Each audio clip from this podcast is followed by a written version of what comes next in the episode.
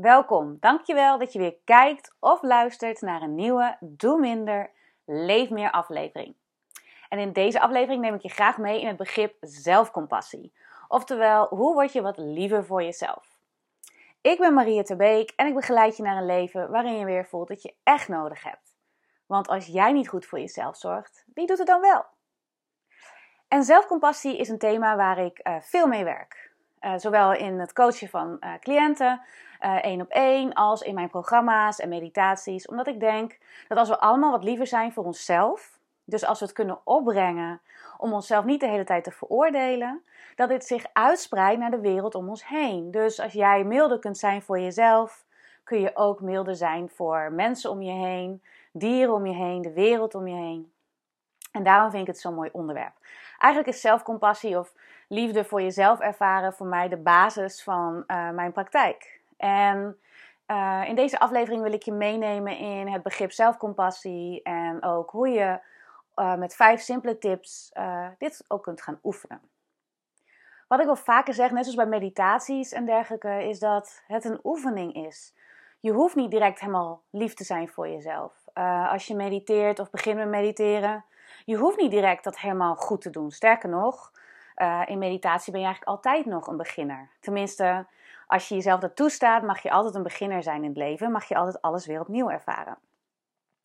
Wat ik zo interessant vind van het begrip zelfcompassie is dat als een vriendin in de put zit, of ze heeft het lastig op haar werk, bijvoorbeeld ze voelt zich kwakkelig en, uh, um, en ze zegt ja, ik weet niet of ik me ziek moet melden of niet. Dat jij als vriendin direct zegt: Ja, tuurlijk, meld je ziek. Zorg goed voor jezelf. dat je als je anderen hoort praten over dingen, dat, dat je merkt: hé, hey, maar ja, tuurlijk, zorg goed voor jezelf. Meld je ziek. Of nou, wat kan ik voor je doen? Maar zodra het om ons gaat, dus wij zitten in die positie, dan hebben we allerlei redenen waarom wij dat niet hoeven en waarom wij door moeten gaan.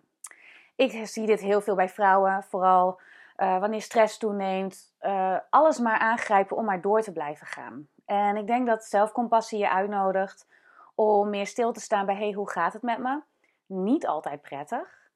Uh, en, ook, en ook je uitnodigt om goed voor jezelf te zorgen. En soms betekent dat stoppen, uh, soms betekent dat uh, dat je juist wel iets doet, natuurlijk. Ik bedoel, er is niet altijd één juist antwoord hierop. En um, wat ik hoop dat ik je na deze aflevering op mee kan geven, is hoe je zeg maar met zelfcompassie, nou ja, kan kijken hoe je dat kunt toepassen in jouw leven. Ik denk dat zelfcompassie heel mooi helpt bij het reguleren van je eigen emoties. Het helpt bij veerkracht opbouwen. Dat als jij je heel erg angstig voelt over iets en het idee hebt dat de wereld, nou ja, echt een soort van je overweldigt, dat je daar met liefde naar kunt kijken van oké, wat heb ik dan nu nodig om hiermee om te gaan? En dat resulteert in veerkracht. En veerkracht betekent eigenlijk dat wat het leven je ook gooit, naar je toe gooit, dat je het idee hebt dat je daar mee om kunt gaan. Soms betekent dat je er geen invloed op hebt en dat je het moet voelen. En soms betekent dat je ergens wel invloed op hebt en dat je iets kunt gaan aanpakken. En zelfcompassie biedt je uh, in plaats van nog strenger worden voor jezelf, de mogelijkheid om juist milder te mogen zijn, eigenlijk vriendelijker. En dit is niet iets wat we van huis uit meekrijgen. Ik denk ook niet in onze maatschappij, waarin hard werken, doorgaan, presteren best wel hoog in het vaandel staan. Ik bedoel, zodra je van de basisschool afkomt, ga je naar vervolgstudie en zo ben je continu bezig met doelen opbouwen en dingen te bereiken in je leven. En als we dit doen vanuit een drive van het moet, en ik moet dit goed doen, en bijvoorbeeld misschien ben je moeder of uh, heb je andere rollen, we willen het allemaal zo graag goed doen. En hoe, hoe meer we het goed willen doen, hoe strenger we worden voor onszelf en hoe meer we onszelf uitputten. Eigenlijk is het zo simpel. En ik denk dat uh, als je het niet echt hebt geleerd van huis uit, ik denk dat ook ouders uh, vaak, uh, nou ja, hopelijk komt er nu een nieuwe generatie die dat wel heel mooi meeneemt, maar ook niet echt van huis uit hebben meegekregen. Dus zo is het begrip zelfcompassie soms een beetje vaag en zweverig. Ik kwam in aanraking met zelfcompassie toen ik een jaartje 24 was en ik ging naar een psycholoog. En ik, legde, ik zat er helemaal doorheen. Ik wist niet meer wie ik was en wat ik moest met mijn leven. En zij uh, bracht het begrip de innerlijke criticus naar mij, uh, legde ze uit. Van, dat is dat stemmetje in je dat heel streng is. En wat zegt dat stemmetje eigenlijk de hele tijd tegen jou? Nou ja, die van mij was dan: doe je best, werk hard, uh, laat je niet kennen. En toen ik daarmee mee ging samenwerken, ontdekte ik ook wat zelfcompassie kon doen om juist wat minder in die do-modus te schieten van presteren en het goed doen. En uh, ik herinner me ook wel dat ik uh, zo uh, mooi voorbeeld vond dat ik mijn voet stootte aan de tafel.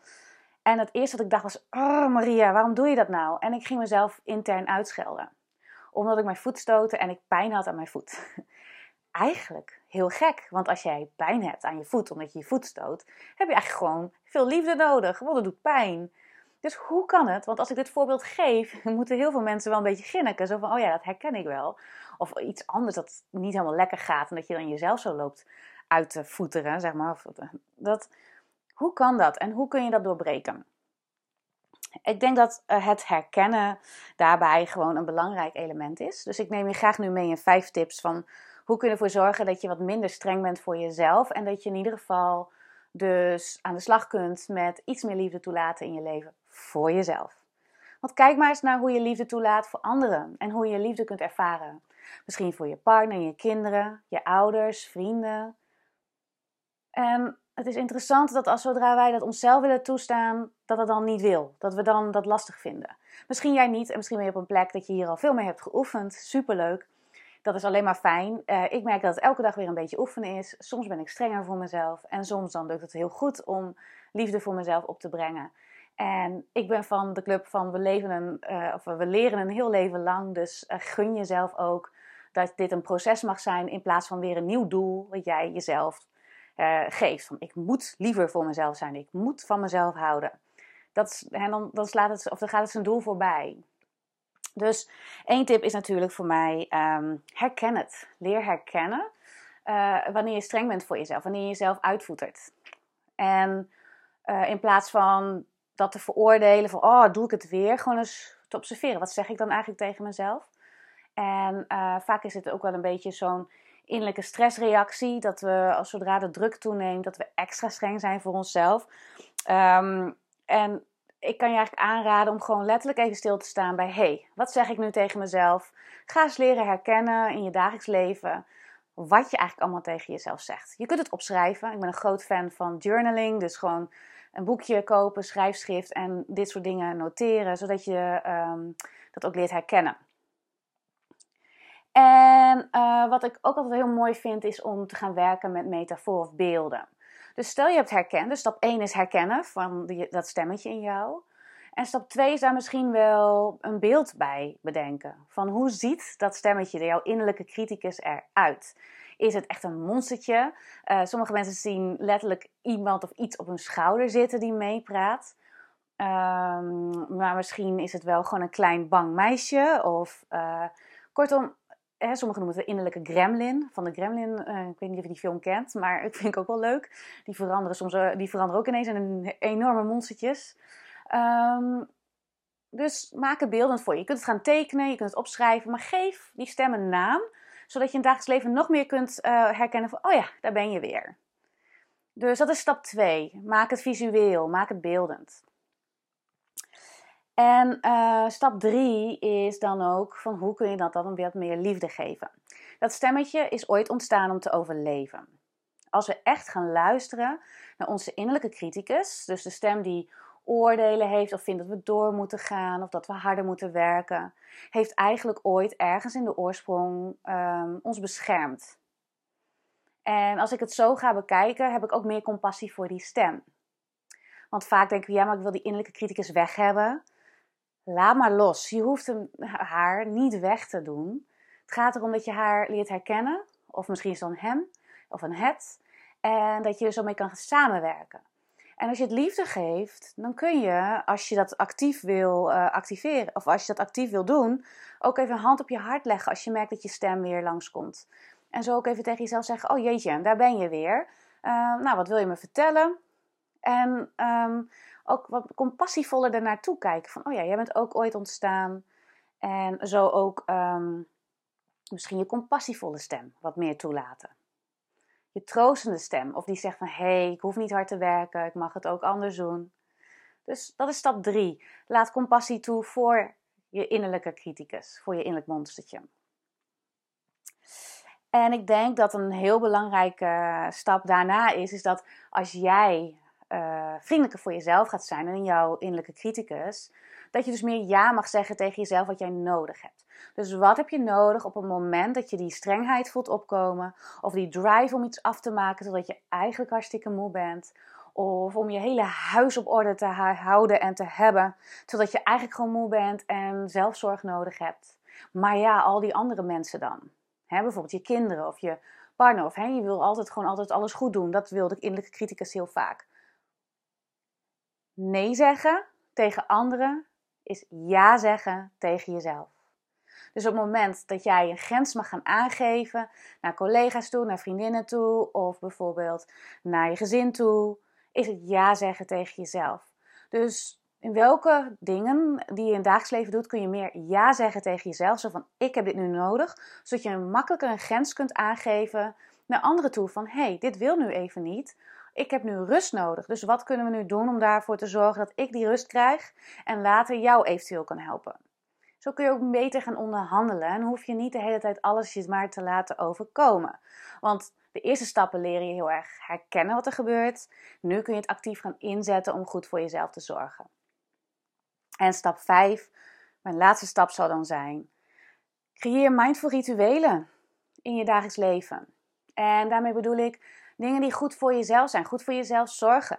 Ik uh, gebruik vaak als voorbeeld dat ik tegenwoordig een bad heb. Dus voor mij is een warm bad met een lekker olietje erin echt mijn ultieme vorm van zelfzorg. En even uitchecken. En zo echt een moment nemen voor mezelf. Dit kan ook een wandeling in de natuur zijn voor mij.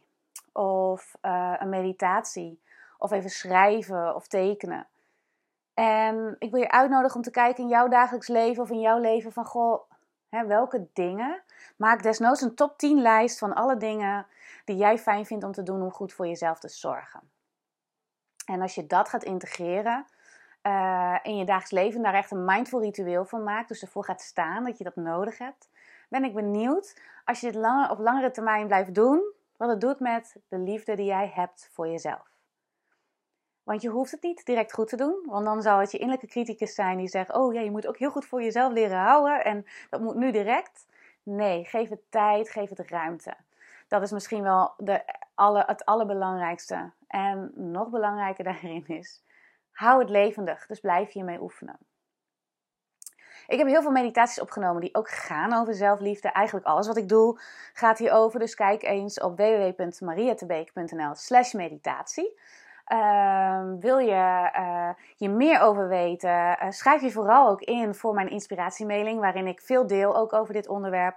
En je natuurlijk op, uh, up-to-date houdt met de nieuwste inzichten en meditaties. En deel vooral deze aflevering als je merkt van hey, dit is ook iets wat iemand anders nodig heeft. Zou ik hartstikke leuk vinden. Of word lid van mijn YouTube of Spotify kanaal. Um, wat ik tot slot nog even wil zeggen is misschien helpt het ook om nog even voordat je weer verder gaat met je dagelijks leven, nu een compassievol momentje te nemen. En dat kun je zo doen. Leg even een hand op je hart. Als je wil kun je je ogen sluiten. Adem even diep in door je neus. En helemaal uit door je mond. En dan kun je tegen jezelf zeggen: je kunt jezelf een koosnaampje geven of verkleinen, je naam verkleinen. En dan tegen jezelf zeggen: Hé, hey, ik zie jou. Ik hoor jou. Ik voel jou. Adem nog een keer diep in door je neus. Uit door je mond. En laat dat drie zinnetjes zijn of één van deze zinnetjes die je helpen om in je dagelijks leven wat vriendelijker te zijn voor jezelf en jezelf te zien. Heb je vragen? Reageer gerust of stuur me een mailtje naar info.mariettebeek.nl. Dankjewel voor het kijken of luisteren. En ik hoop je weer mee te mogen nemen in een volgend onderwerp. Uh, een volgende keer. Heb een hele fijne dag. Doeg!